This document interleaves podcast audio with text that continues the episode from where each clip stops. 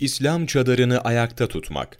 Abdullah İbni Ömer radıyallahu anh'tan Resul-i Ekrem sallallahu aleyhi ve sellem şöyle buyurdu. İslam, beş şey üzerine bina edilmiştir. Allah'tan başka ilah olmadığına ve Muhammed'in Allah'ın Resulü olduğuna şehadet etmek, namaz kılmak, zekat vermek, hac etmek ve Ramazan orucunu tutmaktır. Müttefekun aleyh. Bu beş şey imanın büyük temelleri ve önemli rükunlarıdır. Resul Ekrem sallallahu aleyhi ve sellem bu mübarek hadisten örnek alarak İslam'ı beş direk üzerine kurulan bir çadıra benzetmiştir. Kelime-i şehadet bu çadırın orta direği, diğer dört rükün ise çadırın dört köşesinde bulunan direkler gibidir. Ortadaki direk olmazsa çadır kurulamaz.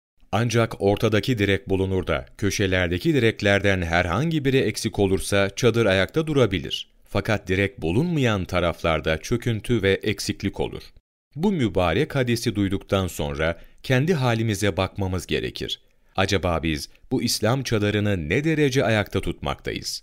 Acaba İslam'ın herhangi bir rüknünü tamamen yerine getirebiliyor muyuz? İslam'ın bu beş rüknü son derece önemlidir. Bunlar, İslam'ın temelleri olarak kabul edilmişlerdir. Bir Müslümanın Müslüman olduğundan dolayı bunların hepsine dikkat göstermesi son derece gereklidir. Bunlar arasında imandan sonra en önemli şey namazdır. Hazreti Abdullah bin Mesud radıyallahu an diyor ki, Allah Celle Celaluhu indinde en sevimli amel hangisidir diye Resul Ekrem sallallahu aleyhi ve selleme sordum. Namazdır buyurdu. Sonra hangisi dedim, anne ve babayla iyi geçinmektir buyurdu. Sonra hangisi dedim, Allah Celle Celaluhu yolunda cihattır buyurdu. Molla Ali Yülkari diyor ki, bu sahih hadis, alimlerin imandan sonra en önemli ibadet namazdır görüşüne delildir. Bu görüşü şu hadis desteklemektedir. Allahu Teala'nın kullarına emrettiği en üstün amel namazdır.